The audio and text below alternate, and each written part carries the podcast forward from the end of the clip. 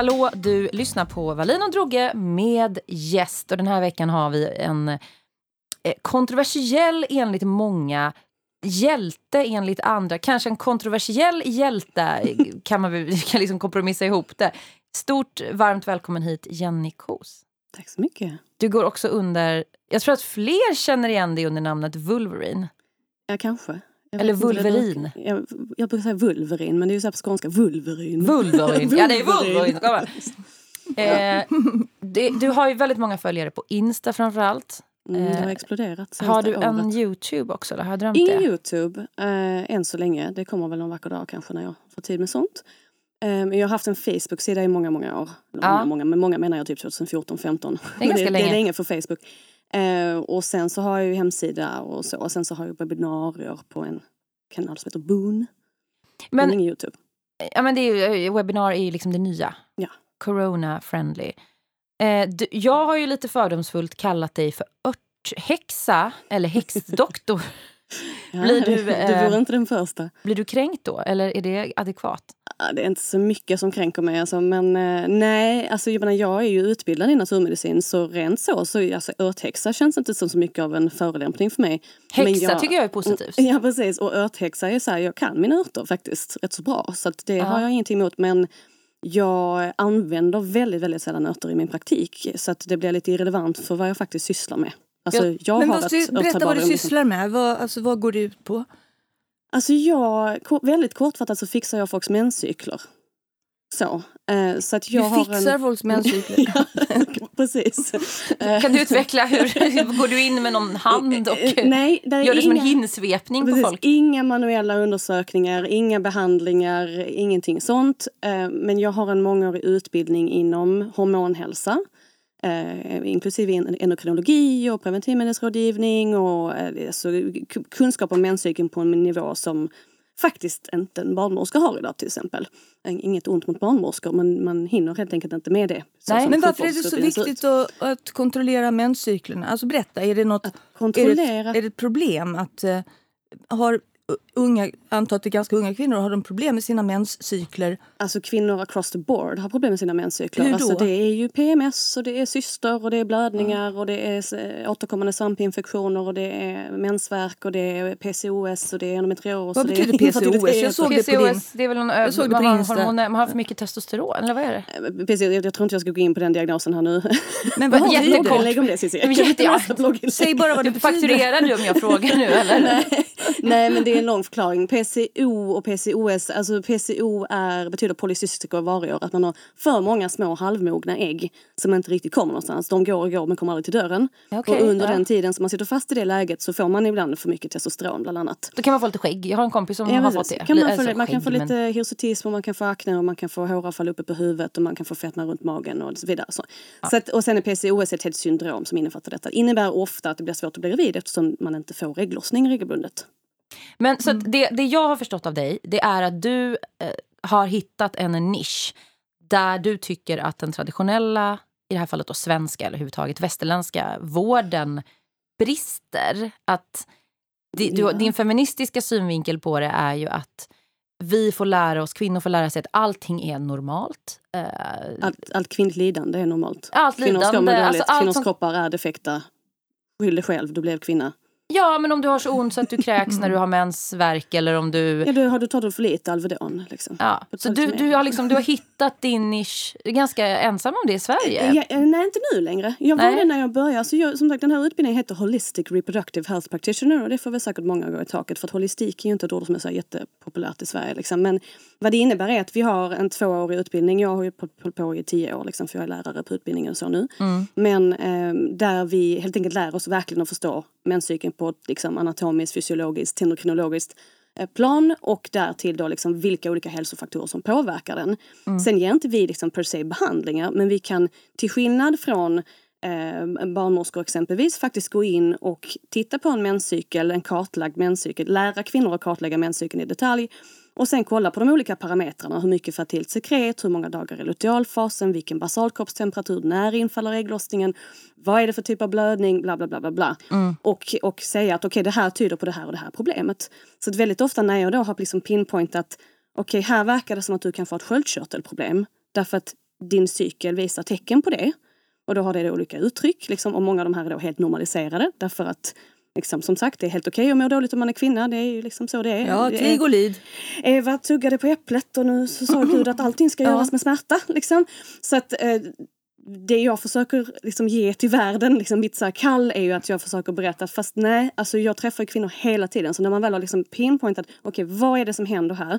Vad finns det för eventuella hälsoproblem? Skicka tillbaka dem till vården många gånger och sagt du behöver testa detta, detta, detta. Du behöver göra ett ultraljud. Du behöver utredas för, utredas för endometrios. Du behöver liksom kolla vad det är för det här är inte okej. Okay. Och sen när man har löst de problemen, ibland blir det då på, inom vanliga vården, ibland blir det då att de kanske kommer tillbaka till mig. Jag kanske ger lite kostråd, kanske pratar med dem eventuellt om kosttillskott. Eller så går de till någon annan frekvensterapeut eller vad de nu hittar för någon akupunktörer och vet, hypnotisörer och allt vad det är. Men eh, slutkontentan blir att de blir av med PCOS och PMS och endometrios och sådana här saker. Kan inte bli av helt och hållet med endometrios men många blir smärtfria. Vilket är revolutionerande ju i ja, jämförelse med då inom vården får man bara höra att det här är kroniskt. Och vi som jobbar på det här sättet, nu är det inte bara jag utan vi är flera stycken i Sverige. Liksom. Och över hela världen är vi spridda. Liksom. Som, ja, I vår erfarenhet är att jo, det går att fixa. I nästan alla fall så går det, det att fixa. med IVF, alltså, det, den här stora alltså, infertiliteten som har blivit ganska så vanlig av olika mm. anledningar. Är det också sånt du ägnar dig åt då? Att försöka oh ja, det är jättemånga som kommer för att de vill med barn. Mm. Ja, det, hjälper det? Det får vi säga. Jag har några kategorier på min Instagram som heter pepp och mer pepp. Där man kan läsa hur många som blir gravida. Eh, och det är ju även folk som inte har varit hos mig personligen utan som bara har läst på min blogg eller lyssnat på några podcastavsnitt och mm. sett att ja ah, men fan det här, jag kanske ska pröva detta. Och det, det jag föreslår ju väldigt enkla grejer. Alltså jag går ju liksom inte in på någon, som sagt jag ger inte så mycket örtbehandlingar liksom. Där jag, jag går inte in och pillar på någonting egentligen utan jag kan vara så här, mm, men det här går ihop med det här rent fysiologiskt. Det finns forskning som visar på detta och detta, detta som visar på till exempel magnesium och D-vitamin skulle kunna optimera förmågan att ägglossa. Du ska, ska testa och ta något av det. Jag äter massa magnesium och ägg och D-vitamin. Jag vill inte bli gravid. Ska jag sluta med men det? Men, sluta med att dricka men det är väl inte kaffe, örter? är, det ört, är det speciella örter man äter för att få D-vitamin och magnesium? Eller, eller? Nej, det är väl sådana tillskott man köper på apoteket. Ren, ja, rena vitaminer då? Mm. Ja, och där finns ju liksom, det är inte som att det inte finns vetenskap på detta. Det är bara det att vårdpersonalen som det är nu, de tittar inte på den typen av vetenskap därför att näringsfysiologi och näringsmedicin är liksom inte riktigt inkluderat. Det är typ så några timmar under hela läkarutbildningen. Så att, eh, att som utifrån komma, jag kan ju inte rekommendera, jag kan inte säga till någon att ta någonting, jag kan inte skriva ut någonting, jag skriver inte ut hormoner, alltså ingenting sånt. Du får inte Men, det helt enkelt? Nej, nej, nej alltså, det, jag hade inte gjort det. Jag gör inte det ändå. Liksom. Så, att, eh, så att poängen är ju liksom, jag att bara göra folk uppmärksamma att okej, okay, det finns vissa samband här ah, som okay. ingen tidigare har berättat för dig om. Du kan på egen risk och av egen fri vilja kanske fundera på att lägga om din kost. Du kanske kan fundera på att inte dricka kaffe längre eller vad det nu kan vara. Vi ska komma in på allt det där. Allt det här liksom Cola light, kaffe, solkräm, sån mys. Jag har läst med oh. ena ögat att du förbannar det. Eh, sen överdriver kanske jag nu. Men jag måste ändå fråga. Eh, Tyskland mm. är ju mm. ganska likt Sverige på många sätt. Eh, ligger mm. nära och är också ett eh, ja, deras, jag vet inte exakt hur deras välfärdssystem ser ut, men det är väl hyfsat likt Sverige vad jag tänker. Däremot är tyskarna väldigt öppna för alternativa, alltså alternativmedicin, som jag har förstått det. Ja. Eh, man kan googla det här. Alltså, det finns massa behandlingar vad jag har förstått i Tyskland. Som I Sverige är det så här, hehe, är ni dumma i huvudet? Liksom, vad har ni, mm. har ni rökt på? Mm. Men i Tyskland så gör man det inom den vanliga statliga liksom, vården. Men tror du att eller så här, varför är Sverige så stängda för det som du pratar om helhetshälsa, det holistiska och sådär. Mm. Ehm, jag skrev en krönika om det för massa år sedan där det var så här, ja, kontentan var väl det är inte så konstigt att kvinnor söker alternativ när vi blir så dåligt behandlade i vården. Ja, det håller jag helt med om. Och så blev folk jättesura och tyckte att jag eh, lurade på folk. Eh, ja, nu ska du liksom pusha stackars osäkra, svaga kvinnor till att lägga sina pengar på typ eh, vet du, kol kolonialt silver heter det inte. kolonialt silver. Ja. Eh, det var en lång frågeställning här nu, men det jag vill landa i så här, Upplever du med din profession och det du gör att, att du ständigt blir ifrågasatt i Sverige? Oh, att du är ett missförstått geni? Eller tycker men, du ändå att det är befogat med all, all den här kritiken? Nej, alltså jag, ett, jag ser inte mig själv som ett missförstått geni. det gör jag inte. Nej. Eh, därför att det är så pass många som blir hjälpta och som är glada och som förstår att alltså det jag gör är egentligen bara förklara biologi. Alltså jag, jag gör ingenting som är särskilt jättealternativt. Det är bara det att än så länge så finns det inte inom vårdutbudet. Och mitt mål är ju egentligen att, att både vårdpersonal ska utbildas till att kunna de här sakerna. För det ska inte behöva vara så att kvinnor måste vända sig till någon alternativ eh, person och lägga en massa pengar på liksom, rådgivning som jag tycker att de borde fått redan under sexualundervisningen. Mm. Så att det, det är ett systemfel på det sättet som gör att ja, nu har vi den här liksom uppdelningen mellan alternativ och så. Och, och jag tycker inte att det jag gör är särskilt alternativt. Alltså liksom... Men för, för jag har ju läst jättemycket kritik mot dig. Jag har fått, mm. när, vi, när vi skrev att du skulle vara med, jag skrev att du skulle vara med. Jag fick liksom asmånga DM från mycket läkarstudenter mm. eh, och så som var så här, hon är, du, de kallar ju mig farlig på olika sätt. Du mm. är också farlig tydligen. Eh, du, du lurar in kvinnor, du lurar kvinnor på pengar, du lurar in kvinnor i en falsk mm. tro om att liksom, deras eh, hälsoproblem är ja, men ungefär som sluta dricka kaffe så blir du frisk från alla dina problem. Och ja. Varför tror du varför är det inte mer som i Tyskland? Varför är vi inte mer öppna? Alltså, jag, jag, kan, jag kan inte förklara faktiskt varför Sverige är som det är. Jag har funderat på det väldigt många gånger och jag kan inte säga att jag har något svar på det.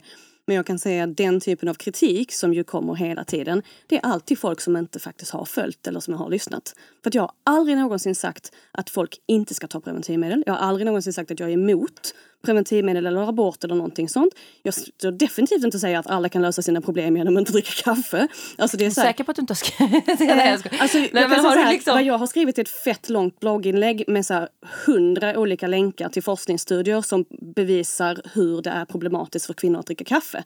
Och sen har jag sagt, om du har problem så kanske du eventuellt kan fundera på att testa att vara utan kaffe en månad eller två och se om du når någon förbättring.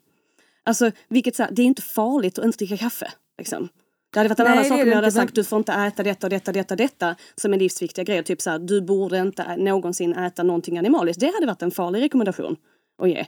Men att säga att ja, du skulle kunna testa att inte dricka kaffe en månad. Det är inte Men kaffe är ju ganska giftigt ändå. Det är ju, och det var när kaffe infördes, eh, när det började med handel och sådär, internationell handel, så kom ju kaffet och då betraktades ju det som en drog. Alltså man tyckte att det var väldigt suspekt för innan dess drack ju folk mjöd och, och alltså typ öl och var alltid lite lulliga. Och sen kom kaffet och folk blev speedade och presterade bättre. Men det var ju, det var ju kontroversiellt med kaffe också. Men kaffe produceras på ett sätt som eh, innebär att det ofta innehåller jättemycket gifter. Sen är det giftigt i sig. Koffein är ju ett gift. Men okej, okay, men nu har vi pratat, nu måste vi prata ja, lite om kaffe fråga då. En för jag blir... till. Men vänta, Nej, men jag, jag, fråga, jag måste fråga en sak till innan vi går vidare. För att fundera på. Rent konkret, vad är den allvarligaste invändningen du får? Alltså den här med att jag lurar in kvinnor på något sätt och liksom snor deras pengar och ger farliga rekommendationer eller ger farliga råd. Den, den tycker jag är väldigt allvarlig och den, den tar jag faktiskt illa upp för. Jag förstår varför den kommer därför att det blir ju också som att Alltså om jag, eller, och, och andra, det är inte bara jag, det finns ju många med mig och det finns folk över hela världen som jobbar med detta och som jobbar på alternativa sätt och som hjälper patienter utanför vården så att mm. de mår bättre än vad de gjorde när de gick 15 rundor i vården. Men, men det verkar ju som att det är ett enormt hot. Att här finns någon som inte bara då ger andra möjligheter och förklaringar på saker och ting. Eh, även om som sagt alltså min, min information, den jag läser upp, det är ju direkt från samma böcker som gynekologer och barnmorskor ska läsa. Alltså det är liksom inga konstigheter jag säger. Men eh, jag har ju däremot uttalat mig och gör ganska ofta om att det är problematiskt med till exempel biverkningar av preventivmedel och att det är fett problematiskt att vi har vårdpersonal som faktiskt rakt upp och ner ljuger patienter i ansiktet kring biverkningar och möjliga biverkningar av preventivmedel. Så att jag Hur vet du att de ljuger? Därför att det är det alla berättar och därför att det står i artiklar och därför att vårdpersonal på min sida säger felaktiga saker. Som är så här, fast det här är fysiologiskt omöjligt. Nu sa du någonting som helt enkelt inte stämde. Till exempel att hormonspiralen enbart verkar lokalt. Det mm, men det har jag fått jag, höra. Ja, men och det är en sån sak som ja. bara, fast det går inte. Alltså om du har Nej. blod, om du har ett blodomlopp livmodern är liksom inte omgärdad av en järnmur. Nej. Och du har biverkningar som till exempel akne och huvudvärk. Och då säger jag, ja men är det vaginal akne då? Är det, är det migrän i livmodern vi pratar om? Kan man få stroke i slidan? Nej, kan man inte. Alla de sakerna är ju systemiska. Alltså är verkan är systemisk också. Du kan också bli av med ägglossning. Det har vi tydligt utskrivet i bipacksedeln. Du kan bli av med ägglossning och ägglossningen styrs från hjärnan. Alltså så kan du inte med, gott, liksom med berått mod som utbildad vårdpersonal stå och säga till folk att nej men det här verkar bara lokalt, därför att då ljuger du. Och men då här... blir man ju tydligen ett hot mot, mot liksom hela vården ifall, för om jag, då uttalar jag mig negativt och eh, undergräver alltså förtroendet för vårdpersonal. För Och det man hade önskat då, nu tar jag Tyskland som exempel, för det jag har läst om Tyskland det är ju att eh, den alternativa eh, vården där, eh, alltså nu pratar jag inte om liksom gräva ner ett eh, kycklinghuvud bakom huset och dansa i månsken, utan det är ju så akupunktur. Ja, mycket mer, nu har ju det kom, nu, Sverige gör det också, men de var mycket Ja, mer det, före. i- om typ 20 år senare så Ja. vi också. Eh, de håller på mycket med, mm, eh, gud vad heter det? Nu har jag fått hjärnsläpp. Eh, Homeopati. vad sa du? Homeopati. Homeopati, exakt. Och sen håller de på med, med, med neurofeedback Mm. för ångest och eh. ADHD. Och så. Jag har testat det. Det är ju absolut inte farligt. Det, enda, det värsta som kan hända är att det inte funkar. Liksom. Mm. Men skulle man inte... Känner inte du att alla de som kritiserar dig, som kommer in och framförallt är, jobbar inom vården eller så här, lite mer vetenskapligt, eh, tycker att de har har källor. en vetenskaplig liksom, grund. Kan inte ni samverka på något sätt då? Ja, och, och absolut. Och det finns ju, det är en stående inbjudan. Och det är därför jag tänker också så här, om jag då har ett konto där du har liksom hundratals personer som säger gud jag hade så mycket mensvärk eller jag hade PMD, jag hade, säg, vi kan ta ett exempel. Jag hade eh, diagnostiserad PMDS. Vilket ju är förklaringen på diagnostiserad PMDS är ju att de inte liksom tål sina egna hormoner. Att du har en annorlunda respons till ditt eh, progesteron som ju produceras efter ägglossningen under lutealfasen fram till nästa mens. Och, och därför mår de kvinnorna så fruktansvärt dåligt. Och jag ska inte förringa diagnosen överhuvudtaget. Det är fruktansvärt, ja. Men jag har alltså folk som har kommit till mig eller som bara har läst min blogg och gjort vissa omställningar som sen alltså inte har PMDS längre. Vilket beskrevs som en kronisk sjukdom och ett fel på dem. Mm. Eh, och då blir man så här, varför är inte vården intresserad av det? Alltså, borde inte den första responsen då, om man då tycker liksom att men gud, man ska bara gå till vården, vården borde vara den enda instansen för sånt här och allt annat är kvacksalveri och oseriöst. Varför kommer de inte då, frågar i alla fall kvinnorna, gör en studie, frågar oss som jobbar med det, hur gjorde ni? Kan vi ta in detta? Vad är det för forskning som ni har läst? För att jag utgår ju från forskning. Så att varför kommer inte den fram? Det blir som så här, vad är, vad är då det som är viktigt för er? Är det viktiga att, att kvinnor ska må bra och ha hälsan? Mm. Och kanske inte gå runt och lida? Eller är det viktiga att eh, er stolthet är intakt och att det inte finns något hot Det, det, det råder ju nästan som man kan tycka är en konspirationsteori. Det här med Big P, alltså Big Pharma som är, styr allting. Tillhör Mm. du den falangen som, som tycker att liksom, du blir motarbetad, de som jobbar med samma sak som dig blir motarbetad för att typ AstraZeneca betalar folk för att Nej, tysta nej, er? Eller nej, vilken nivå tänker du att det här... Hur sann är den här konspirationen? Alltså jag liksom? brukar ju skoja ibland och säga att det finns ju möjlighet att jag blir lönnmördad av något läkemedelsbolag, men det är mer på skämt. Men nej, jag tror inte, jag tror inte att de är ute efter oss små, små liksom, eh, vårdgivare av olika slag. Men jag vet ju med mig, alltså det är ju ingen hemlighet att läkemedelsindustrin är djupt eh, inblandad i hur vården är utformad och vilka rekommendationer som ges och vilken medicin som pushas just nu. Så det är ju liksom inga frågetecken kring det. Det, vet vi att det händer. Vi vet att Läkemedelsverket är sponsrat av läkemedelsindustrin och så vidare. Och så vidare, och så vidare. Så det är liksom, Och vi vet att läkemedelsindustrin eh, bjuder på ganska fe- feta mutresor också. För bland annat läkare, för att lansera nya preparat. Mm. Nej, jag, Och är det ens lagligt? ja. Ja, man, ju- man kan ju kalla allting för olika saker. Inspirationsträff, eh, ja. rekreation, Men jag tror att det, det, sto, det stora problemet där, nu kommer jag vara lite taskig kanske mot folk, alla behöver inte ta det personligt, men alltså, jag tror inte att det här är en stor, liksom, oh, Big Pharma är ute efter att stänga ner mig eller någonting sånt, absolut inte. Utan jag tror att det är en egogrej. Att har man, har man spenderat x antal år i en läkarutbildning eller är på väg att avsluta en läkarutbildning och man har eh, liksom investerat väldigt mycket av sin identifikation i det här yrket och fått höra att det här är den enda rätta vägen, så här gör man, det är farligt med någonting annat. Då är det klart att det känns hotfullt, inte bara mot yrket och ryktet utan också mot ens person. Vem är jag nu ifall någon annan framställer mig som att jag kanske inte hjälper mina patienter? Så jag tror det handlar ofta om det, att folk blir liksom personligt triggade av att här står jag och säger att ja, nej men det finns faktiskt vårdpersonal som inte gör ett jättebra jobb. Det Jo, finns faktiskt det- vårdpersonal som, som ljuger för sina patienter och det är inte okej, därför det är alltid kvinnor som i slutändan får lida. Men om vi, nu måste vi prata om kaffe. För att, Men kom på kaffe. nej, men jag, blir, dricker, nej, men jag dricker ganska mycket kaffe. Eller jag började göra det när jag fick barn för att jag är så trött jämt. Skulle du då lite... Du, du, jag förstår att du inte har en, en eh, session med mig här nu. Vad heter det när du tar emot... Är det patienter du kallar dem? jag säger alltid klienter. klienter? Ja, du har en, alltså därför att jag, alltså, jag, vad jag- kallar du det för? En, en, en seans? Rådgivningssession. Skojar bara. En ritual. En ritual har du. Eh, nej, jag, jag bara mottagning, rådgivning. En rådgivnings, alltså, du har en rådgivningstimme med mig och så säger jag så här, fan jag har, jag har ganska oregelbunden menscykel. Jag har väldigt mycket mensvärk. Jag tror inte att jag har PM, alltså sån, P, vet du, PMDS, det tror jag inte att jag har. Jag tror inte att jag har endometrios. Men hur stor bov kan kaffet vara i mitt fall? Eller i, i allas fall? Alltså om jag man kan- har de här problemen. Jag Liksom. kan ju inte veta det på rak arm, men jag kan säga så här, läs igenom de vittnesmål som kommer in från folk Mm. och fundera på om det är värt att testa. För Men har, sagt, du dricker inte dö. kaffe? Nej, jag dricker kaffe när jag behöver tjack. Alltså om jag är så jävla trött så Istället att jag för liksom att ta behöver... tjack, ja så- precis, det är mycket billigare. Och så, för att jag Och behöver typ en också. slatt kaffe liksom för att inte sova på två dygn. Så Okej. att jag tål typ inte kaffe. Eh, men ehm, nej, så att jag dricker det liksom någon gång ibland. Men är det så bara själva kaffet, det är koffeinet då du Det är tänker på? koffeinet vi pratar om, det är inte Så man kaffebönan. decaffe, vad heter det? Decaffe Men är det, för jag Så är det tänker, jag tror det många blir så provocerade av när de läser dig. Det är ju att du framstår som att du skammar. Det är ju Hur favorit... framstår- oh, jag skulle så gärna, har, du läst min, har du en åsikt om hur jag skammar Nej, folk? jag, vill jag, tycker inte att du... Jag har inte, jag ska ärlig, jag har inte läst igenom alla dina sparade stories, för det är väldigt många. Men jag har läst igenom vissa. Och jag har också sett att det har varit en tjej som, jag kommer inte ens ihåg vad hon heter så vi behöver inte namedroppa henne, men det var någon Ja, tjej stycken. som gjorde liksom på riktigt typ 100 instastories om dig. Nej men det var Mm. hur många som helst där hon då... Ja, men jag är kvacksalvare och jag är antifeminist och jag utnyttjar Ja, hon var utsatta väldigt, kvinnor. väldigt arg, Oh, liksom. arg.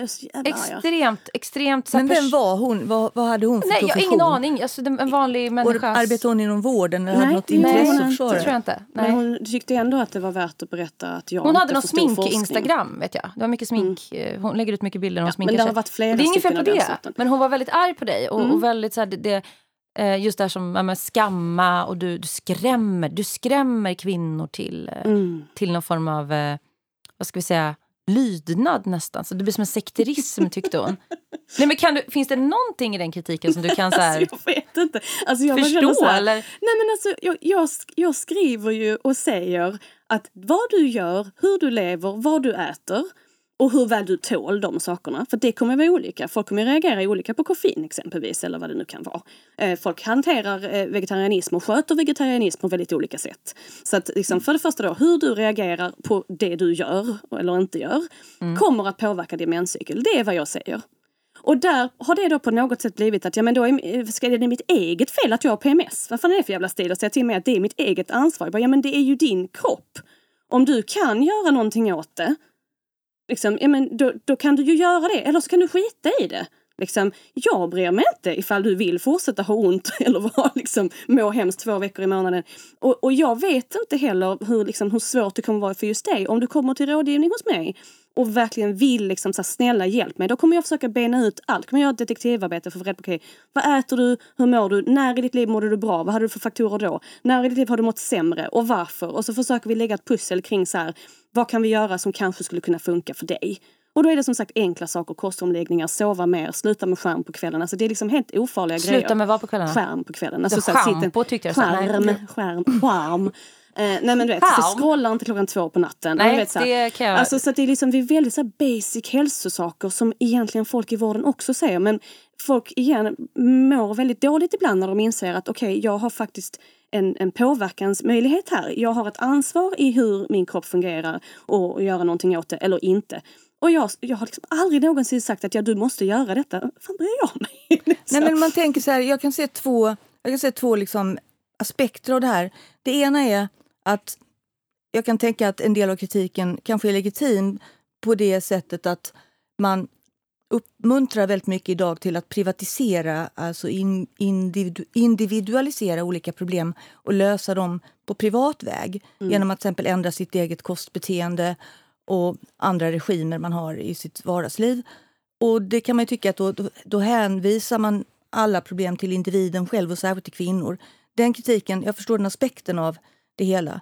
Men samtidigt är det här att det är viktigt för kvinnor och tjejer att känna att de är autonoma. Att de bestämmer över sin kropp och att de faktiskt kan styra en del saker själva. Det är den avvägningen som är svår. Eller hur? För att, menar, det, det handlar också om att när man privatiserar eh, ett problem man upplever som kan vara fysiskt och hälsomässigt så, så kanske man samtidigt också ska gå utåt och försöka kräva en förändring. Ja, men det gör ju jag. Ja, Det är det som är på vilket sätt gör hur- du det? På hur många sätt som helst. Nej, men där, är, där är väldigt många inlägg för mig. Jag har, bland annat har jag eh, ett stort inlägg på, ehm, eh, på min hemsida på bloggen som heter just feminism och så. Och där förklarar jag just att det är nästan omöjligt att vara kvinna i det här samhället. För att det här samhället är inte anpassat efter egentligen människor. Eh, men, men speciellt inte kvinnokroppen. Det är svårt. Det finns vissa saker vi inte kan komma undan. Det finns vissa faktorer som vi inte kan förändra. Och jag har också skrivit väldigt många gånger igen samma sak. Varför är inte vården mer intresserad av detta? Varför är det inte vården som vid första liksom, mensvärk hos en 14-åring som säger jag har så ont så jag ligger och krälar på golvet. Att de inte säger okej okay, men vad äter du? Hur mår du i övrigt? Sover du på natten? Har du näringsbrist på någonting? Alltså det är där det borde börja och där liksom det pumpar jag hela, hela, hela tiden. Alltså det här borde vara liksom första första mötet med vården borde ställas de frågorna som jag då får sitta och göra. Som är så här basic. Liksom. Ja, men om du dricker två liter Coca-Cola om dagen, ja då kanske det kommer vara en negativ faktor för din PCOS. Därför att den är kopplad till insulinresistens och du dricker massor med socker varje dag. Då kanske vi ska fundera på att ta ner det. liksom. alltså, så det, det, är väldigt logiska grejer som jag känner så här, någon som är medicinskt utbildad borde inte tycka att detta är något konstigt. Alltså för det är liksom, där, där finns inga seanser. Där finns inget så här, tänk dig ur det eller ta det här örtpillret. Som sagt, jag förskriver ingenting. Jag liksom, det, det, är bara precis logiskt. Och här har du studien som förklarar varför magnesium är inblandad i hur mycket mensvärk du får. Men jag tror, jag tror så här, om jag får spekulera. Du i sig är inget problem. För jag, jag har följt dig ett tag och jag är ganska... Alltså, jag vill egentligen vara mer örthäxig, men jag har jag är liksom en surgubbe också. Så att jag mm. har en inre, inre konflikt som jag jobbar med. Men jag uppfattar inte dig som sekteristisk, jag uppfattar inte dig som eh, skammande, vad fan det är. Jag uppfattar dig som väldigt rak. Och också, du får säga, säga ifrån flera gånger i veckan, så här, sluta skicka en miljard DM till mig och fråga mig, boka tid. Alltså du, du är väldigt kommunikativ och rak. Men däremot så får ju du en, och det är kanske inte ditt fel, men det blir så, du får ju en liksom en fanbase. En som jag, som jag kan, inte alls Nej men det kan jag identifiera mig Det är därför jag, fast jag inte alls håller på med samma sak som du. Eh, jag skriver om andra saker. Men, men att man får liksom en, en kvinnlig nästan fanbase som tillskriver en massa makt och massa mm. status och mm. totalitär regim ungefär. Ja, handpåläggning också. Att ja, du, men att du kvinnor, ska trolla åt dem. Mm. Det här, det här liksom att man kan kanske cherry pick lite. Att jag följer dig för att jag tycker att du skriver intressanta saker och jag plockar lite det jag tycker är intressant. Sen skiter jag i vissa grejer. Jag ja. dricker mitt kaffe. Jag blir inte kränkt över att du säger att det kan För jag vara tolkar problem, inte eventuellt. som att du skammar mig. Mm. Men min utläggning här går egentligen ut på att kan problemet vara att när vissa kvinnor får eh, en, en plattform ganska fort, som du har fått, mm. eh, när man får en röst, det är det många inte tål. Att, för att det blir liksom mm. nästan som en det, det, det, blir, du, får massa, du får massa followers och massa fans som du som ska ta ansvar för. Ja, det, ans och som är ganska okritiska finns, ja. också. Mm, det där Eller? finns absolut folk som är lite okritiska också som upprepar saker som de tror att jag har sagt som jag faktiskt aldrig har sagt. Nej, men som, för, för det, det liksom. kan jag känna igen, alltså folk mm. för mm. min talan. Så här, Sissi sa ju, nej det mm, gjorde jag mm, inte. Precis. Men jag tror det är två grejer. Det, det, ena är det du säger, att ja det sticker säkert i ögonen på många att okej okay, varför är den här, här står jag som läkare eller barnmorska och gör, jobbar som en jävla hund liksom i ett system som inte funkar och är underbetald. Och sen så kommer det någon jävla tjomme här borta och tar liksom hutlösa priser, vilket jag by the way inte gör. men, men liksom för att, för att säga helt andra saker. Liksom. Ehm, men jag tror också att vi kommer tillbaka till detta med att man blir personligen triggad därför att kvinnor lider. Kvinnor mår för jävligt och kvinnor får dålig vård i väldigt stor utsträckning. Så att det är klart att det också känns jobbigt för den enskilda personen eller då slash patient, patienten, patienten som som har liksom gått till vården och fått x antal mediciner och gjort liksom 20 runder och bara så här, ja men nej det här går inte och du är sån och du mår så dåligt och liksom kommer aldrig vidare. Och sen plötsligt så kommer någon och säger något ganska enkelt råd i stil med men har du tänkt på att du kanske skulle pröva att inte äta gluten ett tag? Det kan ju vara så att du är känslig fast att det inte ger utslag på blodprover kanske ska pröva. För det är också så här, det är inte farligt att inte äta kanelbullar under en månad. Du kan testa och sen testa att äta en kanelbulle och se om du reagerar. Liksom. Igen, inte ett farligt råd. Liksom. Men det sticker ju också i ögonen därför att så här, men varför har ingen sagt detta till mig innan? Så jag tror att mycket av den här eh, hatet som jag får är liksom en omvänd, det omvända myntet. För vissa blir arga på vårdsystemet och säger varför har ingen sagt det här till mig innan? Varför fanns det inte detta i sexualundervisningen? Varför ska jag vara 34 bast och få två barn och så är det Jenny Ko som berättar detta för mig fucking 2020 liksom. Och så blir de arga mer på systemet istället och sen finns det de som blir arga på mig för att men du kan inte komma och säga detta nu liksom. Och vadå, skulle det vara så himla enkelt? Här har jag kämpat Men är det det då? liksom. Jag menar, du, Agnes Wold skulle nog bli väldigt arg. Ja, hon skulle ju vara... Har, har ni pratat? jag tror inte vi ska göra det heller. Så. Nej, för, alltså, det, det finns ju någonting inom eh, skolmedicinen som kräver evidens och det ska vara kartlagt ordentligt genom en, en rad olika studier. Det ska peka på samma sak och sådär. Eh, och det handlar om allvarliga saker såklart, för du, du säger inte att du kan bota cancer. Nej, nej. Nej, en del har gjort det. En del Ja. inom alternativmedicin har gjort det. Då förstår jag att en del inom eh, skolmedicinen blir väldigt upprörda. För det drabbar ju människor. Ja, ja precis. Det vi kan, bli farligt. Jag tror faktiskt att vi kan bota cancer på de sätten.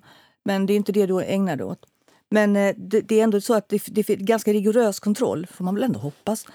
Och att de då påstår att du har inte det. Utan det är hokus pokus. Och det är kontroll av vad, tänker du då? av eh, evidens så att det liksom verkligen Ja. har en, den verkan som man uppger. Ja, men och, där, och där är ju liksom, om jag då har läst x antal studier på att gluten påverkar de här och de här, de här tillstånden negativt, exempelvis endometrios. Och sen så vet jag också med mig att, eh, att vårt sätt att mäta eventuell glutenintolerans i Sverige är undermåligt i jämförelse med många andra länder, för de använder många andra bättre känsligare tester. Och jag då säger, ska vi kanske pröva att du inte äter gluten på ett tag? Då är det inte samma sak som att jag hade sagt, jag vill att du bara äter kött eller att du bara äter broccoli eller att du inte äter en enda kolhydrat. Utan jag säger, ta bort det här. Det finns många andra bättre alternativ. Du kommer inte gå under om du testar detta en månad eller två. Alltså, det är det Ja, där, det då, då ja, finns, precis. evidensen finns för de som har liksom konstaterat glutenintolerans och celiaki att det kan ha en samverkan med hur ont man har och, och allt sånt som har med kvinnohälsa att göra. Då säger man, där finns ju evidens på det och vi bara prövar. Och den här personen gör det på helt eget bevåg, inte för att jag tvingar henne. Så, och då, Men vad- är det liksom, ja, vilken evidens ska du ha liksom? Men du, får, du säger att du får mycket hat. Mm. Va, vad är det för hat? Hur Ja, men det ser är det dels ut? detta liksom att eh, ja, men det är kvacksalveri och eh, jag borde inte få lov att livnära mig på detta. Eh, det är farligt, jag underminerar vårdpersonal. Eh, Men är, det, är och inte det, liksom- är det ty, kan, kan man klumpa ihop allt det som hat? Eller vad drar du gränsen för hat? Alltså hat, ja, alltså hat, det är det värsta jag har hört där är typ så du är vidrig. Alltså jag vet inte om du vill Ja, jo, separera men- de två grejerna liksom men alltså det är ingen som har dödshotat mig än om det är det du menar. Nej, men du, du känner dig... För jag tycker det är svårt att dra gränsen själv i hat. För det, man kan ju se så att det återkommer personer väldigt ofta, som man känner igen till slut, som uppenbart bara verkar vara ute efter att så här, sätta dit den och trycka till den. Inte faktiskt att så här, öppet bara, ursäkta jag har liksom några frågor här, jag är lite kritisk, kan du svara? Utan det finns en, en väldigt personlig, liksom ett personligt agg. Och de vill hela tiden visa på att man har fel, att man är dålig, att man är undermålig och sådär. Är det det du menar också med hat? ja, eller? ja, men det gör jag väl. Alltså, jag menar också saker som till exempel något inlägg sen så pratade jag igenom det här med biverkningar och lokal verkan och hur absurt det är. Mm. Och så kommer det liksom någon anonym sjuksköterska och någon anonym, anonym läkare och säger att det är skamligt hur jag utmålar vårdpersonal på detta sättet. Och det är skamligt.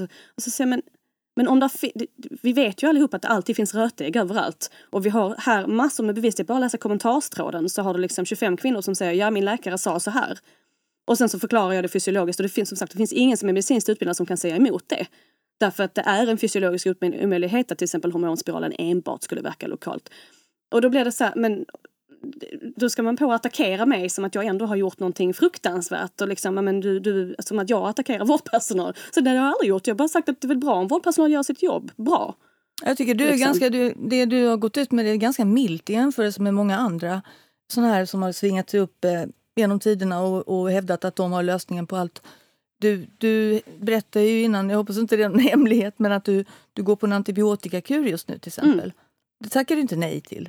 Nej, du tycker inte att folk ska låta bli att äta antibiotika. Det, Ja, nej, men om, om du läser, liksom, ta mina inlägg om exempelvis, nu, nu tog du här eh, antibiotika, så, säger, så har jag några inlägg om exempelvis bakteriell vaginos. Där jag säger att ja, eh, i vissa lägen behöver man bara ta antibiotika. Därför att det är ingen som vill gå runt med bakteriell vaginos länge och det ger risk för, eh, för könssjukdomar och så. Att Alltså det är obalans i- Det, det är när du har, en, alltså du har försvagat dina mjölksyrebakterier i vagina. Eh, alltså av någon anledning så är det för lite av dem och då kommer andra opportunistiska små schyssta patogener och eh, baciller liksom och eh, koloniserar ens eh, vagina med fel, fel bakterier. men är det typ- Varpå du luktar illa. Svampinfektion? Eh, Svampinfektion och bakteriell vaginos är två olika saker men eh, uppstår av liknande skäl. Liksom. Men det är i alla fall, svamp är liksom en typ av angrepp och bakteriell vaginos då är det en bakterie Det är därför det luktar som rutten fisk. Eller Men det är inte annat, därför liksom. du tar antibiotika. Nej, det är faktiskt inte det. För det brukar väl ändå i viss mån framkalla det också, för från antibiotika slår ut alla Ja, jag får alltid be om så här Men- antisvampmedicin när jag tar, Ja, om men jag har tagit och, det- och det är där jag har skrivit då att så här, om du tar antibiotika så är det jätteviktigt att du återkoloniserar med goda bakterier. Och det är en sån sak som borde vara en Ja, vårdrutin. men det är väl ingen hemlighet Nej. nej. Och nå- och precis, så där är, liksom, finns inte någon antimedicingrej, där finns inte någon antivårdagenda överhuvudtaget. Och jag skriver också upp att det är klart att det finns många, jag vet inte hur många gånger jag har sagt det, det finns absolut tillfällen och personer och situationer där preventivmedel, hormonstörande preventivmedel är helt rätt val för dig. Jag tycker ändå att det är en rättighet för kvinnor att förstå vad det är de sätter i sig. Jag tycker ändå att de ska ha det informerade valet, helst från vården och inte från mig. liksom, I att det här, kan jag, det här riskerar jag i och med att ta det här medlet. Sen om de vill ta det, jag skiter i om folk vill ha tre p-sprutor på samma gång. Om de älskar det, vad bryr jag mig? Liksom? Men, men vad jag bryr mig om är att vi har en massa kvinnor som faktiskt inte hade en aning om att exempelvis de kunde få en blodpropp av sin p-ring därför att något Mm, någon vårdpersonal sa till dem att det var ett lokalt preventivmedel för den satt i vaginan. Vilket är fullkomligt absurt och helt, helt Men man kan fel. alltså få det av en p-ring? ja, ja, ja. Absolut. Obehagligt. Alltså det kan man väl få av alla, av, av alla p-piller. Alla kombinerade p-medel som har östrogen Mm. i sig så har en propprisk. Ja men det är väl ett märkligt antagande men det säger de om så här östrogen eh, plåster och östrogensalva som en del ska ta då i musen. Eh, för Kan jag att- säga musen annars- det låter som... men vad ska jag säga då? Snippan? Fittan, låter- eller- Ja men fitt, ja, men det är inte i fitt, alltså okej. I I, slidan I då? vagin. Ja men det är muffen. Ja, du kan, men det är just musen vill, låter som att vi pratar om... Musen som kött. Ja men alltså. ja men herregud, ja, det gnisslar kanske väldigt mycket när det är torrt där. Men i alla fall de säger att det är lokalt.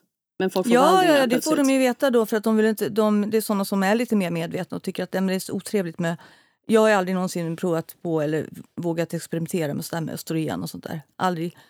Eh, jag, tror inte, jag tror att det finns andra skäl till att kvinnor mår dåligt under menopausen. Men det är en annan fråga kanske. Det kanske inte du ägnade så mycket åt. Äh, utan är Menopaus är alltså klimakteriet? Prata klimakteriet är perioden innan menopausen. Ja, men menopausen låter väldigt mycket trevligare än, Ja. än klimakteriet. Nej, men klimakteriet är är ju perioden fram tills menopausen. När man är menopausal då är det slut. Då har man- då är man inte fertil längre. Övergångsåldern så att säga. Ja, övergångsåldern då. Så du Men- är i menopaus? Ja, det man måste man väl ändå någon gång i livet hamna i. Fast jag har ju inte heter det märkt paus? några- Heter inte bara Nej, att det är slut? alla pratar om klimakteriet, eller rättare sagt när en viss åldersgrupp kom in i klimakteriet skulle alla skriva böcker om det, de skulle skriva artiklar om det och antologier och hej och eh, Men eh, det här med att eh, man då måste, man måste liksom helt enkelt eh, vara knullbar. Mhm. och då ska man inte, då ska man inte vara helt torr. Eh, och då, tar ju, då får de ju sån här salva då som de är glada för att det tar bara lokalt. Men det är ju samma sak där. Man Ja, kan inte, ingenting som man tar som sugs upp av ja. slemhinnor, då kommer det ut i blodomloppet. Ja, och hormoner färdas i blodet, that's what they do. Ja. liksom. Men min eh, slutkontenta är liksom att det jag försöker göra både på min Insta och i min praktik det är att sprida information för att det jag brinner för är ju att kvinnor ska ha den här informationen och tyvärr så är det så att den inte finns. Så att den, den långsiktiga förhoppningen är ju att vården ska ta till sig detta och faktiskt förbättras. Att, att barnmorskor själva ska säga men det här är ju pinsamt. Här är folk som har lärt sig saker på Jennys Insta som jag inte kunde. Jag kräver att min utbildning ska bli bättre. Alltså det är ju det långsiktiga liksom önskemålet. Och att kvinnor ska kunna ta, alltså kvinnor, personer överhuvudtaget, ska kunna ta informerade val om vad de väljer att göra med sina kroppar. That's it! Det är samma sak med hemförlossning. Jag har skrivit ett jättestort liksom, Vi ska blogginlägg. komma in på det nu, tänkte jag Ja alldeles men strax. titta, då Ja. ledde jag det alldeles naturligt Ja. Ja, nej, men, alltså, jag skrev ett långt blogginlägg här om hemförlossningar eh, där jag liksom då presenterar forskningen, eh, förklarar runt och jag tycker personligen att jag var ganska balanserad. Jag säger att ja, det här är den fysiologiska verkligheten. Det är eh, motigt för en däggdjurskropp, en kvinnokropp, att föda barn på sjukhus för att det är så pass många faktorer som faktiskt hormonellt sett påverkar oss. Oavsett vad vi sen tycker och oavsett hur säkert det eventuellt är och hur bra det är med akutvård när man behöver den. Så det är fortfarande så att det är avvitt. Alltså vi har hormonella system som slår på vid trygghet och rädsla. Och för en kvinna att förflyttas i en taxi och in i en lysrörsbelyst korridor, läggas på rygg och undersökas och sitta stilla och ha sladdar och okända människor som springer i dörrarna. Vi skulle aldrig utsätta ett djur för det och förvänta oss att de skulle föda Nej, normalt. vi behandlas sämre än boskap. Man skulle aldrig drömma om att faktiskt förflytta eh, dräktiga kor. i- Nej, i, Men jag, jag kanske har haft, alltså för min take på det här, jag skrev ju om det, det där tror jag att du och jag är ganska lika Jenny, för Mm. du uttrycker det ganska kompromisslöst. Mm. Eh, även när det, alltså, oavsett om du bara säger så här, nu får ni sluta skicka DM Mm. till mig, jag orkar inte svara. Då säger du det. Du är inte säger hej alla gullisar, förlåt att jag säger det här men jag skulle bara vilja... Du Mm. bara, sluta skicka, jag orkar inte. Och jag kan också uttrycka mig ganska kompromisslöst. Jag har liksom... Jag har inte den kunskapen du har. i just, du har din expertis. Jag har, Mm. inte, har ingen expertis på det här, men jag är opinionsbildare och jobbar journalistiskt. Och jag har ändå sett liksom på, på sociala medier, jag är med i en massa grupper på Facebook som observatör bara, eh, hur den här... Det har vuxit en trend bland kvinnor Mm. eh, att bli dola. Det är inget fel på Mm. att vara dola alls. Jag skulle haft en dola med min första förlossning men så flyttade Mm. hon till... Nej, vi skulle fött i USA men så flyttade vi hem och så hittade vi ingen. Det var, det var inte så Mm. stort då. Det blev liksom stort i Sverige nu på senare år bara. Så jag har absolut inget emot dolor. Men när det blir så här, var och varannan sjukskriven kvinna som är uttråkad ska bli dola och sen då börja liksom göra lite business på det. Och jag har ändå sett de tendenserna att man när man inte har din utbildning utan man har gått en doula-kurs så säger man så här, nej men du, du föd hemma och vi, barnmorskor kan vara med på länk. Men och, vem, men vem säger det? Ja, men jag har sett det i grupper, det är ganska, det händer. Det, det är alltså liksom, de, de alltså- gör reklam för sin doula-verksamhet. Alltså, men jag, utbildade mig till doula 2010 här i Stockholm för Susanna Heli som numera utbildar barnmorskor Ja, i Föda utan rädsla-metoden. Hon är säkert höll- jättebra. Ja, men, men alltså, och jag känner jävligt många doulor. Jag kan säga att det är ingen jag känner. Och sen är jag också med i styrelsen för Födelsehuset som har väldigt Mm. mycket doula-kontakter och barnmorskor och hembarnmorskor och så vidare. Alltså jag, jag känner inte till den enda person som skulle säga så. Utan den hemsidan som du syftade på där, det var ju att om du i coronatider inte kan komma in till sjukhus eller vågar komma in till sjukhus eller din partner inte får följa med. Det finns någon anledning till du, dock finns det ju barnmorskor som får med en videolänk och det är väl ändå bättre än att föda ensam i en bil. För att ja, eh, liksom, ett, BB eh, Sollefteå har lagt ner kommer Jämfört fram. med det liksom. är ju allting bättre nästan. Men, men jag ser, och det, det var inte jag som hittade på det, det var, det var två journalister, kvinnliga journalister som jag följer på Facebook som, som började skriva om det här för några, två, tre, fyra veckor sedan. Mm. Eller det var väl en månad sedan nu. Ehm, och mer liksom ville granska den här, för det har ju blivit en industri, väl fel att säga, men det har ju blivit... Eh, Det doulaskapet du pratar om nu. Ja, men alltså att man... man ehm, det finns en del influencers, det finns en del profiler som tar ganska mycket pengar för och det. Jag har inget emot att kvinnor tjänar pengar, men som föreläser om det här, de här grupperna på Facebook växer. Personer som kanske inte har någon kunskap alls börjar sprida ganska okritiskt att så här var det för mig. Folk som kallar sig dola som man är tveksam, har de ens gått någon utbildning? Alltså jag kan säga så här, I- under doulautbildningen, de certifierade doulautbildningen, är det Ja. ingen som någonsin, för det första, vi uppmuntras inte, vi, vi förbjuds faktiskt rakt av, vi kan bli uteslutna ur sällskapet om vi, bis, alltså om vi agerar som en barnmorska överhuvudtaget. En doula har Jo, inte det medicinsk alltså, så kompetens, här, det ska hon inte göra. desto större någonting blir, desto fler Mm. som vill vara det. För det, går ju, folk, det, det har blivit ett, liksom en trendgrej att bli dola. Ja men det är ju för att vården är dålig. Ja, Så och jag att- säger inte att det, jag säger inte att det är fel. Jag bara doula. konstaterar att det är så.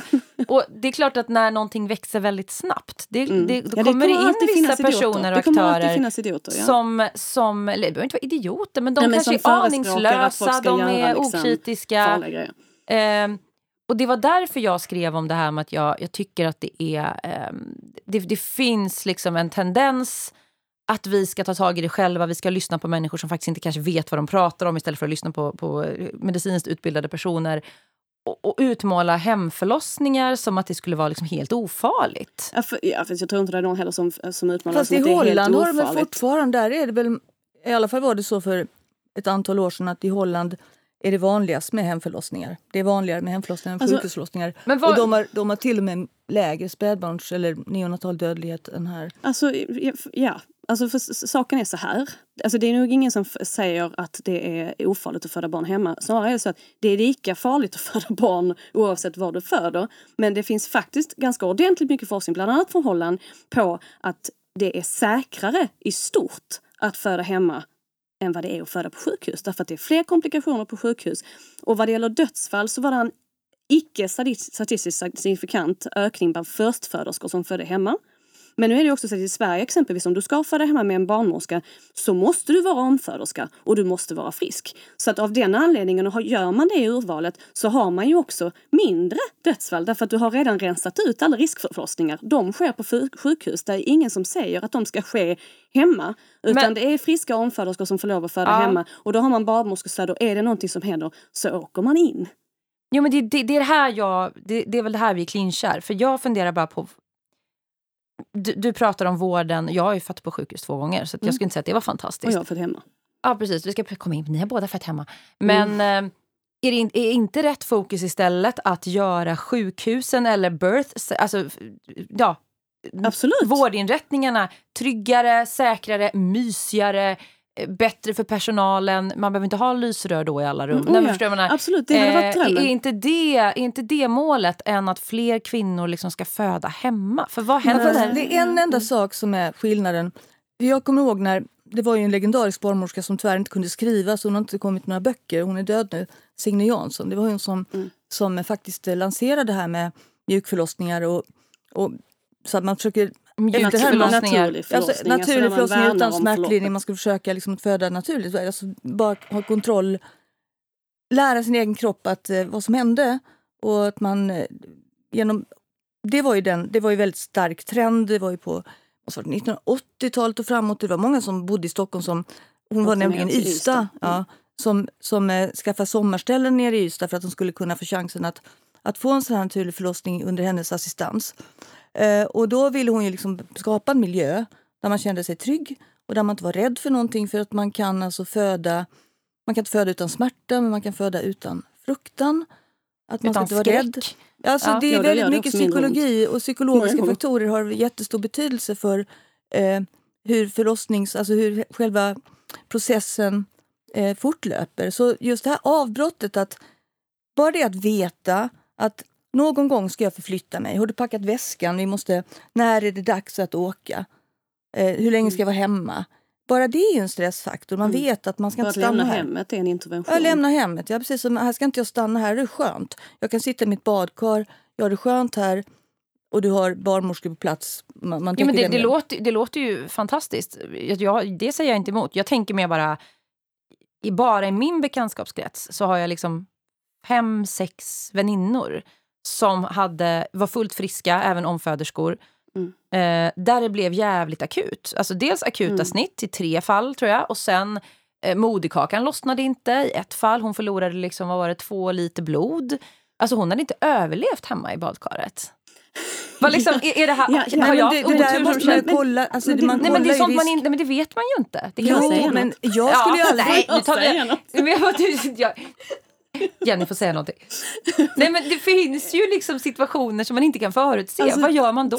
Två grejer. För det första, alltså, eh, behovet av att veta mer om hemförlossningar, behovet av doulor, alltså explosionen av den här som du kallar det för en trend. Jag kallar det för att eh, alltså, det har ju alltid funnits kvinnor som stöttar andra kvinnor där. För att kvinnor har alltid nygammal hemma. men då, men eh, om vi ser liksom då explosionen av precis är ju en reaktion på att vården inte är bra. Så ja, mitt mål och vad jag önskar att också vårdens mål var ju är ju att inkorporera, precis som jag skrivit i det här blogginlägget, måste inkorporera de faktiskt evidensbaserade bitarna av hemförlossning som faktiskt gör att förlossningar blir bättre och säkrare och utfallen blir bättre på alla möjliga sätt. Det måste in i sjukvården. Tills det händer och mm, alla politiska beslut som de ser ut nu är ju inte heller till kvinnor och barns fördel direkt. Nej, så tills dess att liksom kvinnohälsa eh, prioriteras så kommer vi ha ett problem med att folk kommer att föda på ställen och ibland också då helt utan assistans. Vilket det är ingen som förespråkar det och det finns säkert någon liksom, du vet, Det finns finns Jag dårar. För det fanns Jo, men Jag är inte del av det och det är inte en stor grej i Sverige heller. Liksom. Jag vet att det finns free birthing så liksom. Men doulor uppmuntras inte till att liksom uppmuntra till det. Eh, det, är liksom, det är ingen som vill att kvinnor ska föda utan stöd överhuvudtaget. Men vi har ett system som leder till att ja, liksom, folk föder, liksom, det finns fan kurser i bilförlossning. Är det, Ja, en bättre möjlighet? Nej, liksom? det är helt nej, sjukt. det är det inte. Nej, men det är klart att föda med stöd är en sak. Men Mm. föda med, med medicinsk närhet till snabb medicinsk vård. Ja, Om men det skulle gå åt helvete. vad kan hända? Vad kan hända? Om man tänker så här, Jättemycket om, kan väl ja, men hända, Inför en hemförlossning så ska man ju, om man inte är ansvarslös, då ska man ju först ha gjort ett ultraljud. Man vet hur, navel, eh, hur eh, moderkakan är placerad. Man ser att, barn, att barnet ligger rätt eh, och att det mår bra. Allting ser bra ut. Man kan ju bedöma ganska mycket idag via ultraljud. Det är ju såklart, tycker jag, nödvändigt. Sen kan folk tycka en massa saker om ultraljud, att det är hemskt och att det är farligt. Det tror ju inte jag. Om man ska vill, de vill ha så tratt. Nej, men en, det- Ja, men en risk, alltså att ta bort risker för att moderkakan ligger för nära, till exempel att den kan halka ner. Och det, för det som är farligt kan ju vara att moderkakan liksom så här lossnar för tidigt. Eller navelsträngsframfall, så att navelsträngen åker fram och täpps till. Eller att det kommer en hastig blödning. Ja, och då ska, måste man ju omedelbart få akut hjälp. Det var, som, det var som skulle kunna gå snett. Men inte, moderkakans, den ligger ju där den ligger. Om man ser att den inte ligger för nära eh, livmodermynningen så, så kan man faktiskt bedöma att det här ser ut, om man har fött barn tidigare också eftersom du sa att det är omföderska som får göra det.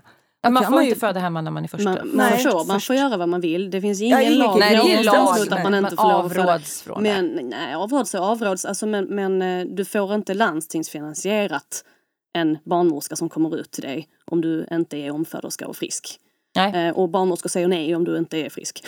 så, om jag de är har vettiga jättemycket barnmorskor så säger de, diabetes och Ja eh, men precis, är alltså, har du 1,40 riskfaktorer lång. så kommer du inte få lov att föda hemma. Men Nej, jag var ju förstagångsföderska och födde hemma. Där finns ingen regel mot det överhuvudtaget. Så Men var, två, men var det en barnmorska hos dig då? två stycken. Ja, två stycken. Ja, Ja, hur mm. professionell som helst. Förlossningen tog tre dygn. Så de, liksom, Men varför fick gjorde de det in- om man, om man inte ska vara förstföderska? Nej men det är, det är inte att man inte ska. Det är bara att du kan inte få det landstingsfinansierat. Men du har inte det landstingsfinansierat i. Malmö ändå. Jag betalar dem själv oavsett för vi har inte det bidraget Men va, varför valde här. du föda hemma? Vad var den största, främsta anledningen? Därför att jag har läst forskningen. Därför att jag har jobbat med förlossningar, jag har varit med på förlossningar på sjukhus, hemma och så vidare. Som doula då? Som doula, ja. Eh, och sen har jag ju pluggat det här i många år så jag har koll på fysiologin. Jag har gått utbildningar i både då doula och sen i oxytocin. Och, alltså så, jag har liksom den biten. Jag lusläste forskningen och gjorde ett väldigt moget, liksom, väl informerat beslut om att nej, om jag kan undvika sjukhus så vill jag det. Men var, varför vill man undvika sjukhus framförallt? Vad är de för, eller det är för att- dig därför- i alla mm. fall. Därför att det finns en massa inter- interventioner, alltså då menar jag störningar i, i förlossningsförloppet, som i sin tur är statistiskt associerade med de här, de här komplikationerna.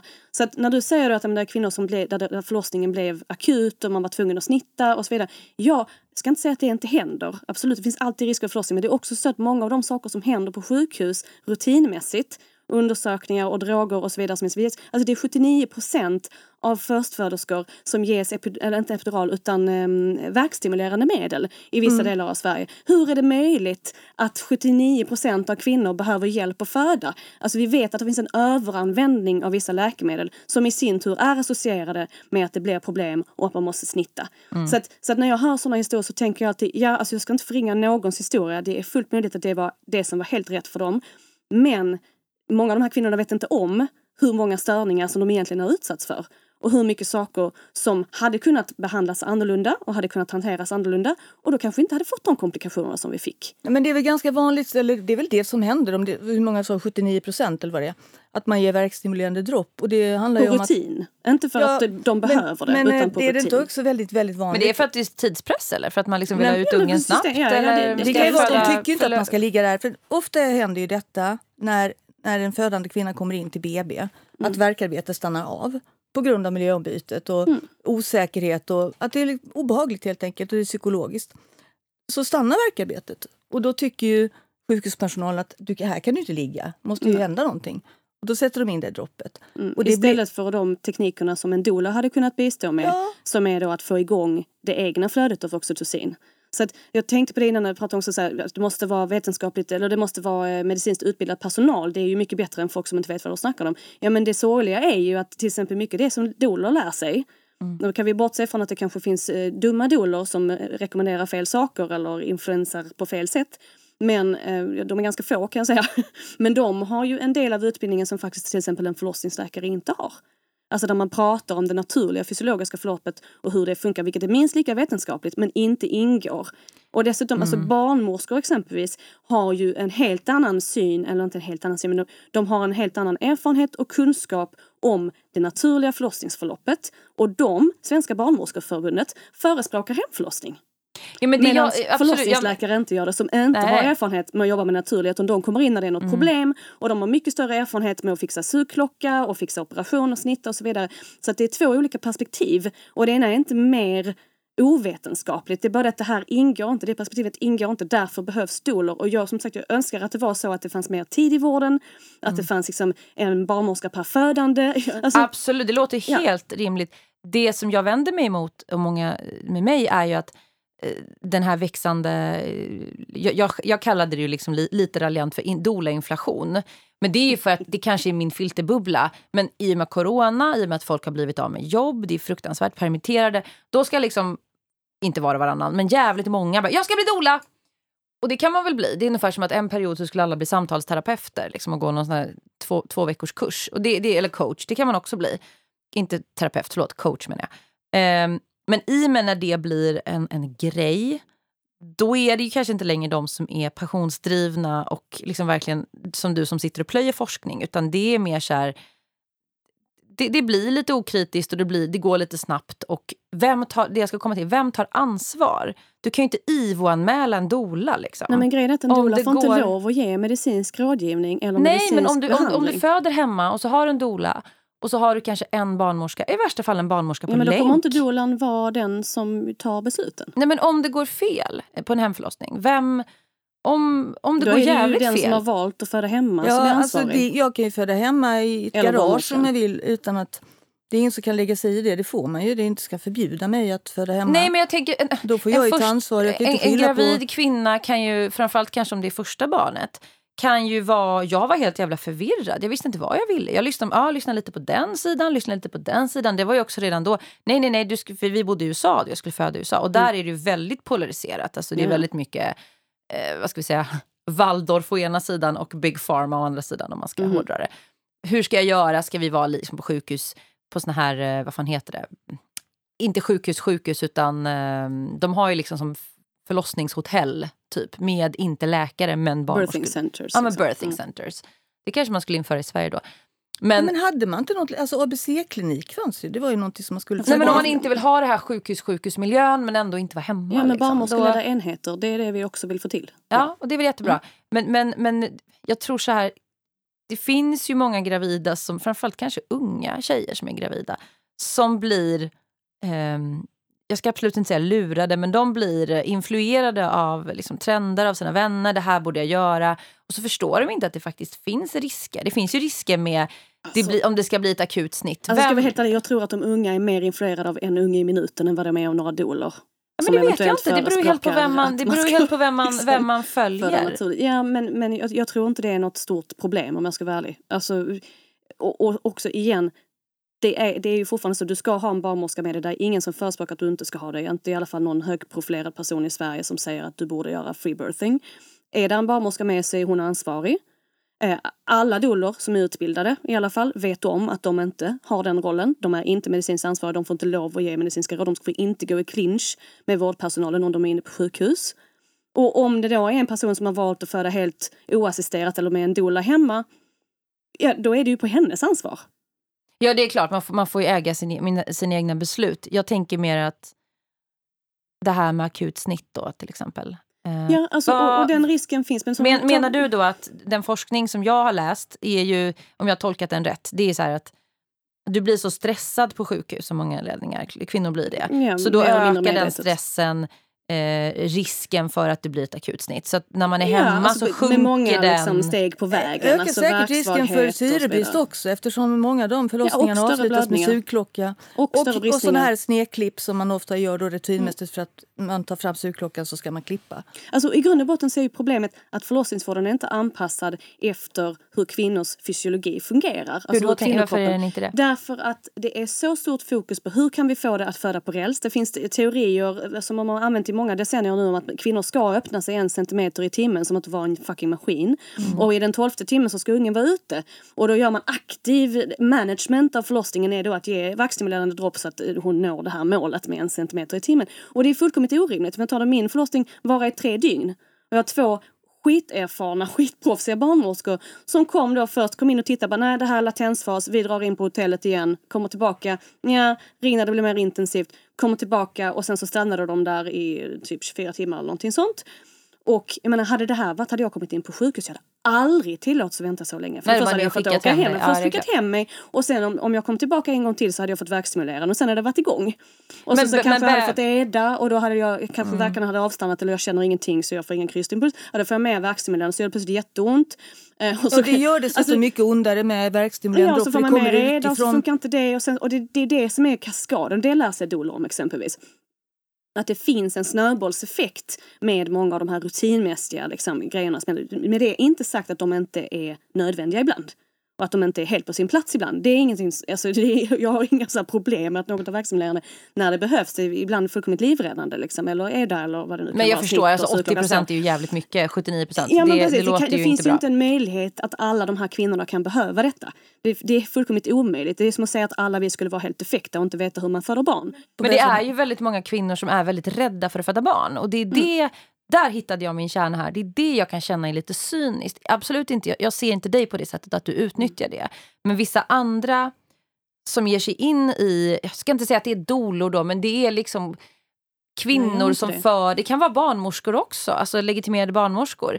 Men som då, de tjänar ganska mycket pengar på att eh, jag ska inte säga att de kapitaliserar på kvinnors rädsla, men man nästan normaliserar att eh, liksom, Ja, men så här, det är klart som fan det gör ont att föda barn. Var det någon som trodde något annat? Att vi behöver gå kurser för Men, att men förstå det? en barnmorska kan inte kapitalisera Nej, inte på bara, den men, men alltså, överhuvudtaget. De, det är kurser, in- inte inom, sitt, inte inom att jobba inom sta, för staten såklart, men det är, liksom, det är kurser i hur du ska andas bort din smärta. Det är som att man, man gör det här naturliga, oj förlåt, man gör det här naturliga onaturligt på något sätt. Alltså den naturliga smärtan. Ja, eller överhuvudtaget hela konceptet med att vara gravid och föda barn och ha en bebis. Att vi ska, liksom, vi ska problematisera det så himla mycket. Men, vi- Jo, men det problematiseras ju eftersom det ska stå under så rigorös kontroll.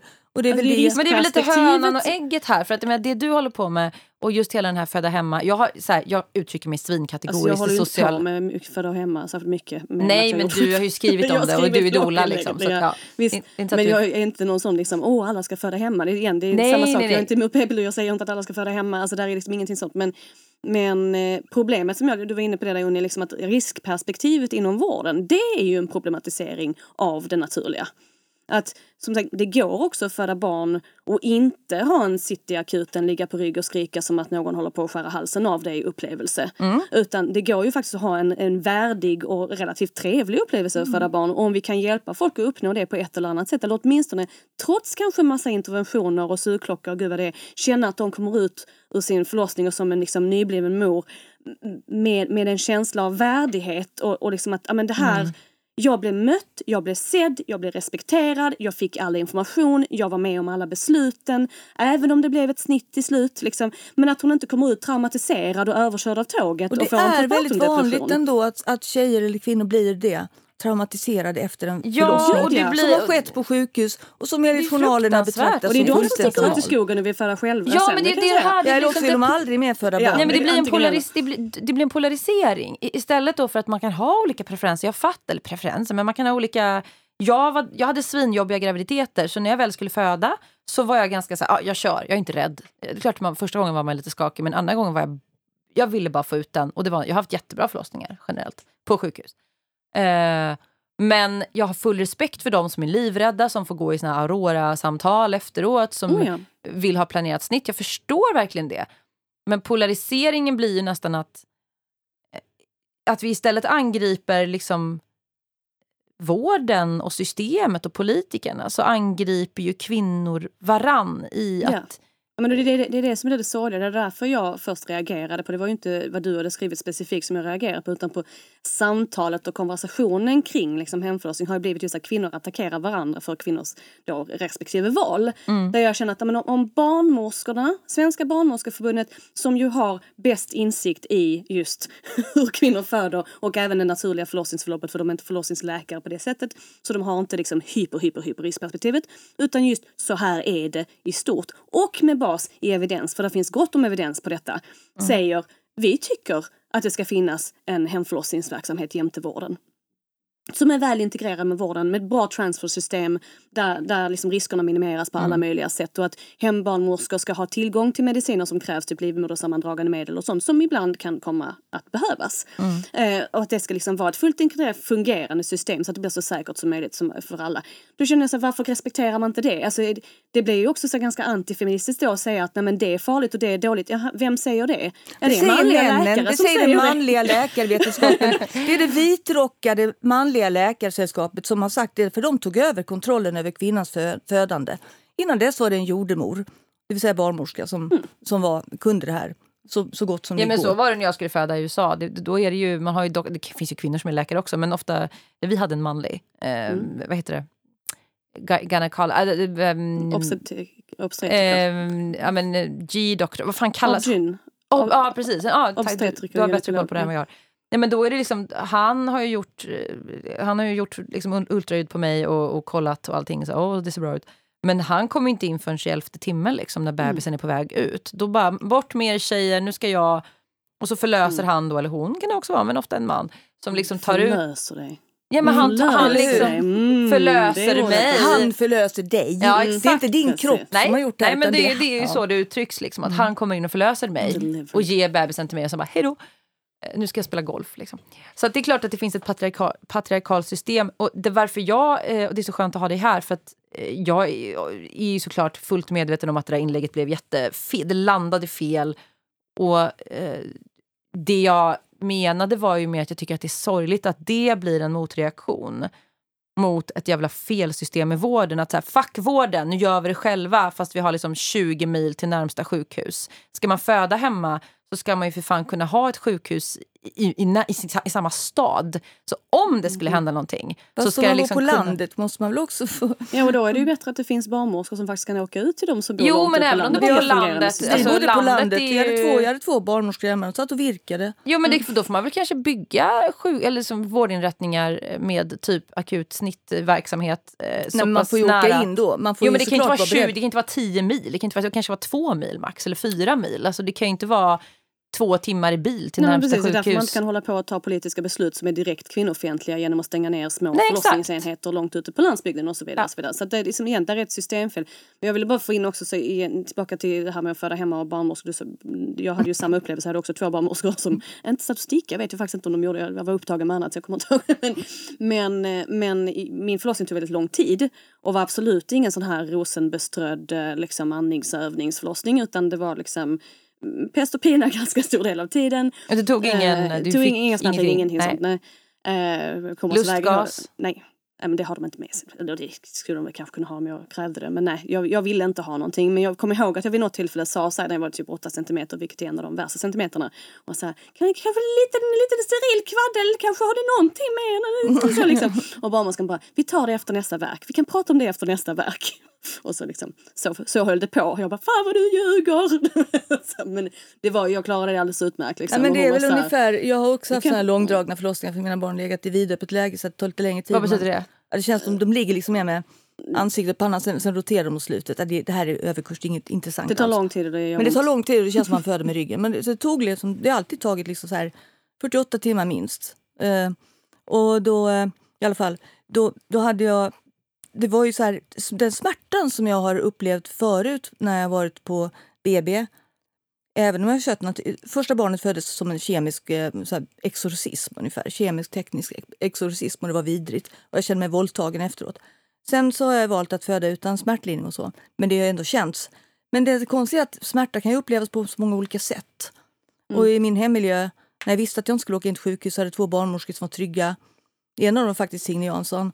Då, då gjorde smärtan ont. Alltså det, det gjorde ont, men på ett annat, helt annat sätt. Det var en halvtimme. stödet. Det var en halvtimme. Ja, men alltså, det var en halvtimme då jag också ville hoppa ut genom fönstret. Och allting bara man kastas hit och dit och inte fattar någonting. Men det är ju övergångsverkarna då. Mm. Så att det är ju också någonting i själva upplevelsen. Den psykologiska upplevelsen av smärta, hur det känns. Den skiftar ju väldigt mycket Beroende beroende på säger. ifall du känner dig trygg eller inte. Ja, Och man det är finns rädd så kvinnor gör som allting ondare. Ja, ja, och de kvinnor som känner sig absolut tryggast på sjukhus ska ju såklart föda på sjukhus. Ingen har sagt någonting annat liksom. Men i mitt fall, bara för att avsluta historien där, så var det i alla fall på tredje dygnet så hade jag stått stilla på nio centimeter i sex fucking timmar. Och det vill man inte Mm, göra. Det, det är extremt otrevligt.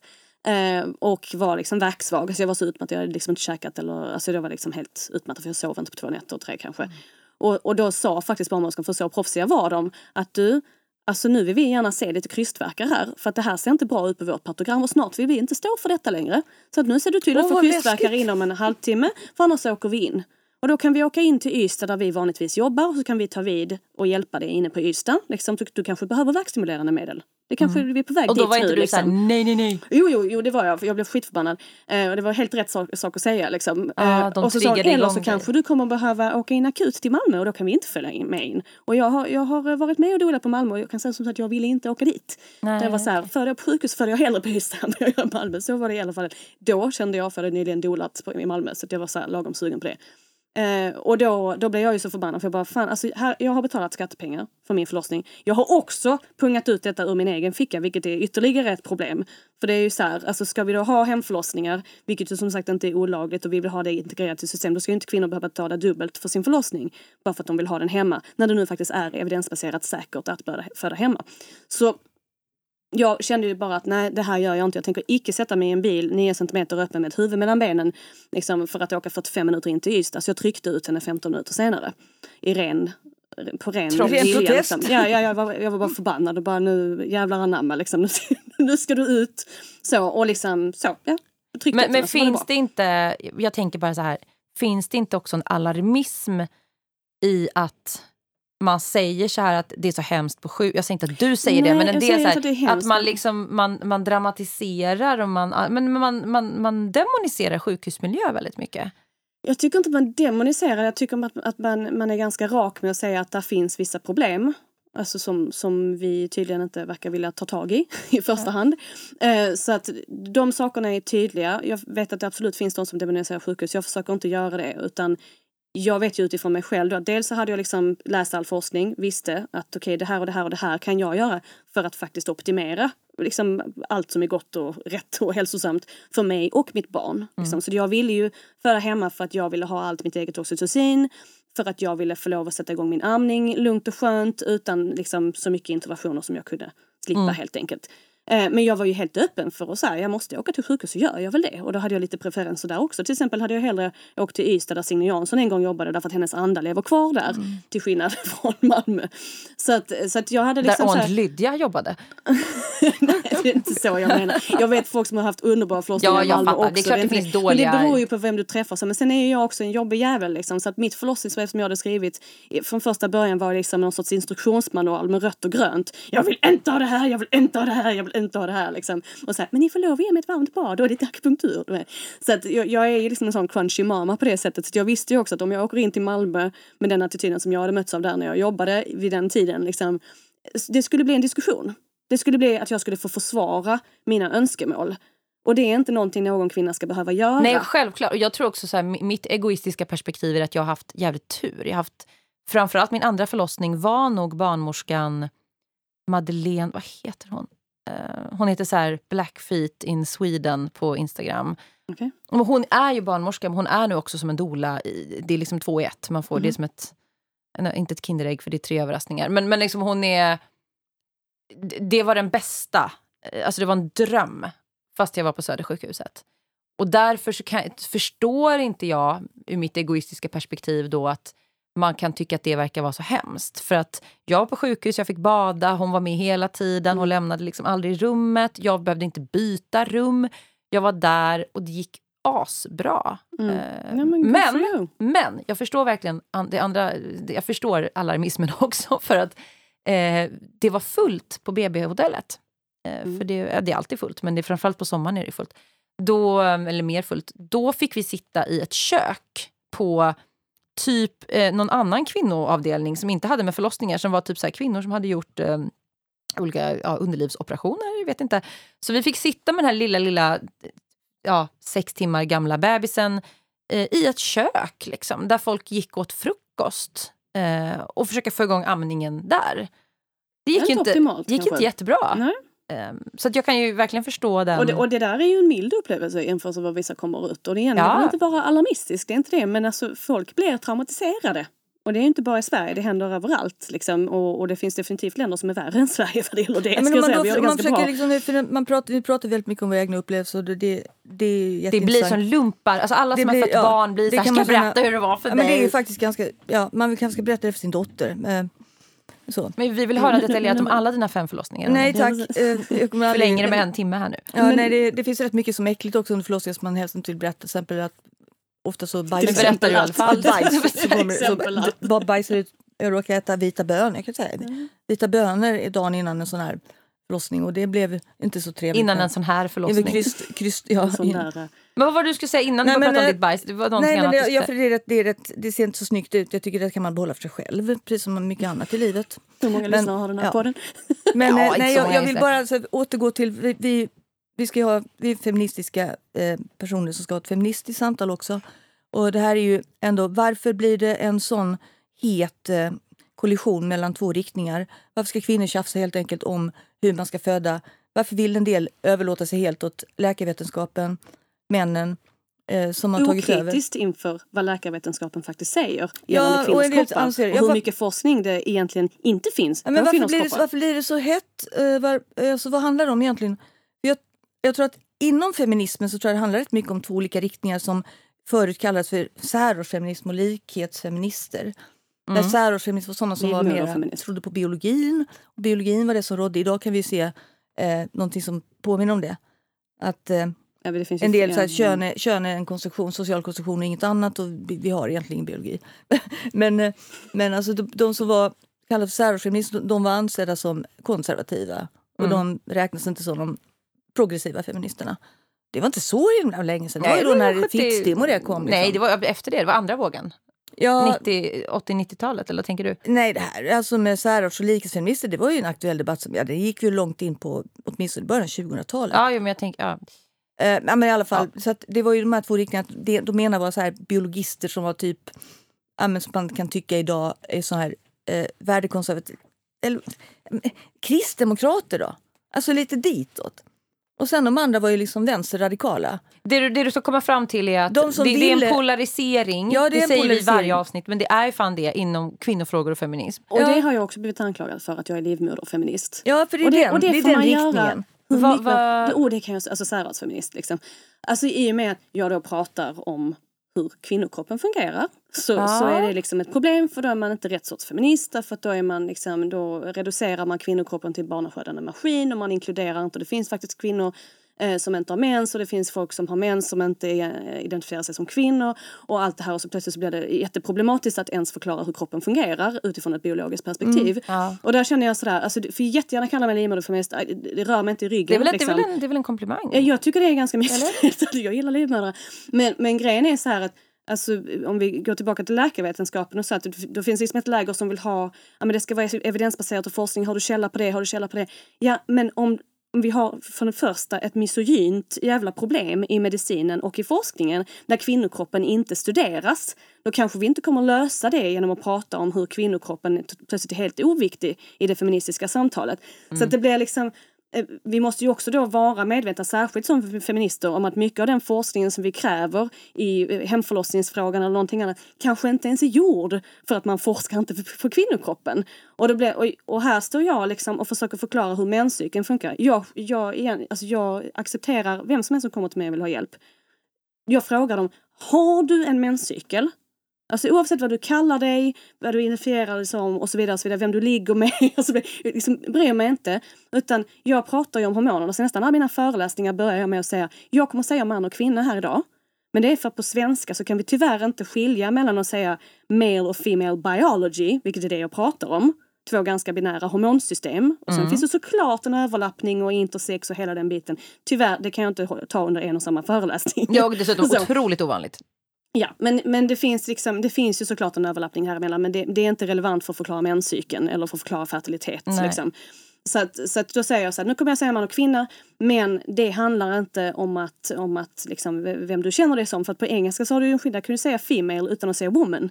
Mm. Här säger du kvinnlig, här ser det ut som att du har sagt the womanly body. Alltså, vilket är ett Ja, vi har ju ett språkproblem. problem, vi har ju språkproblem med Ja, det- gender det finns- sex ja, men och sådär. Det är Det är jättesvårt Ja. att uttrycka sig korrekta för att jag pratar ju bara om liksom systemet. Och jag måste kunna prata om systemet ifall vi som kvinnor eller som personer med livmoder, med äggstockar, feminister, whatever we wanna call ourselves, liksom, om vi ska komma framåt och faktiskt kunna må bättre i våra egna kroppar så Mm. måste den forskningen göras och då måste det samtalet kunna has istället för att så fort man uttrycker sig om att då exempelvis, ja men så här är din menscykel och så här kan du förbättra den som jag säger. Liksom. Mm. Ja men då är det också problematiskt. därför, att, därför att då har man skammat någon eller så har man exkluderat någon Mm. eller så har man varit för snäv i sitt feministiska tänkande. Och jag bara säger men vad fan är biologi? Kan vi inte bara liksom, kan vi inte bara så här, lyssna på det om det är relevant för dig. Förändra saker om du vill förändra någonting. That's it. Jag är bara här för att sprida informationen.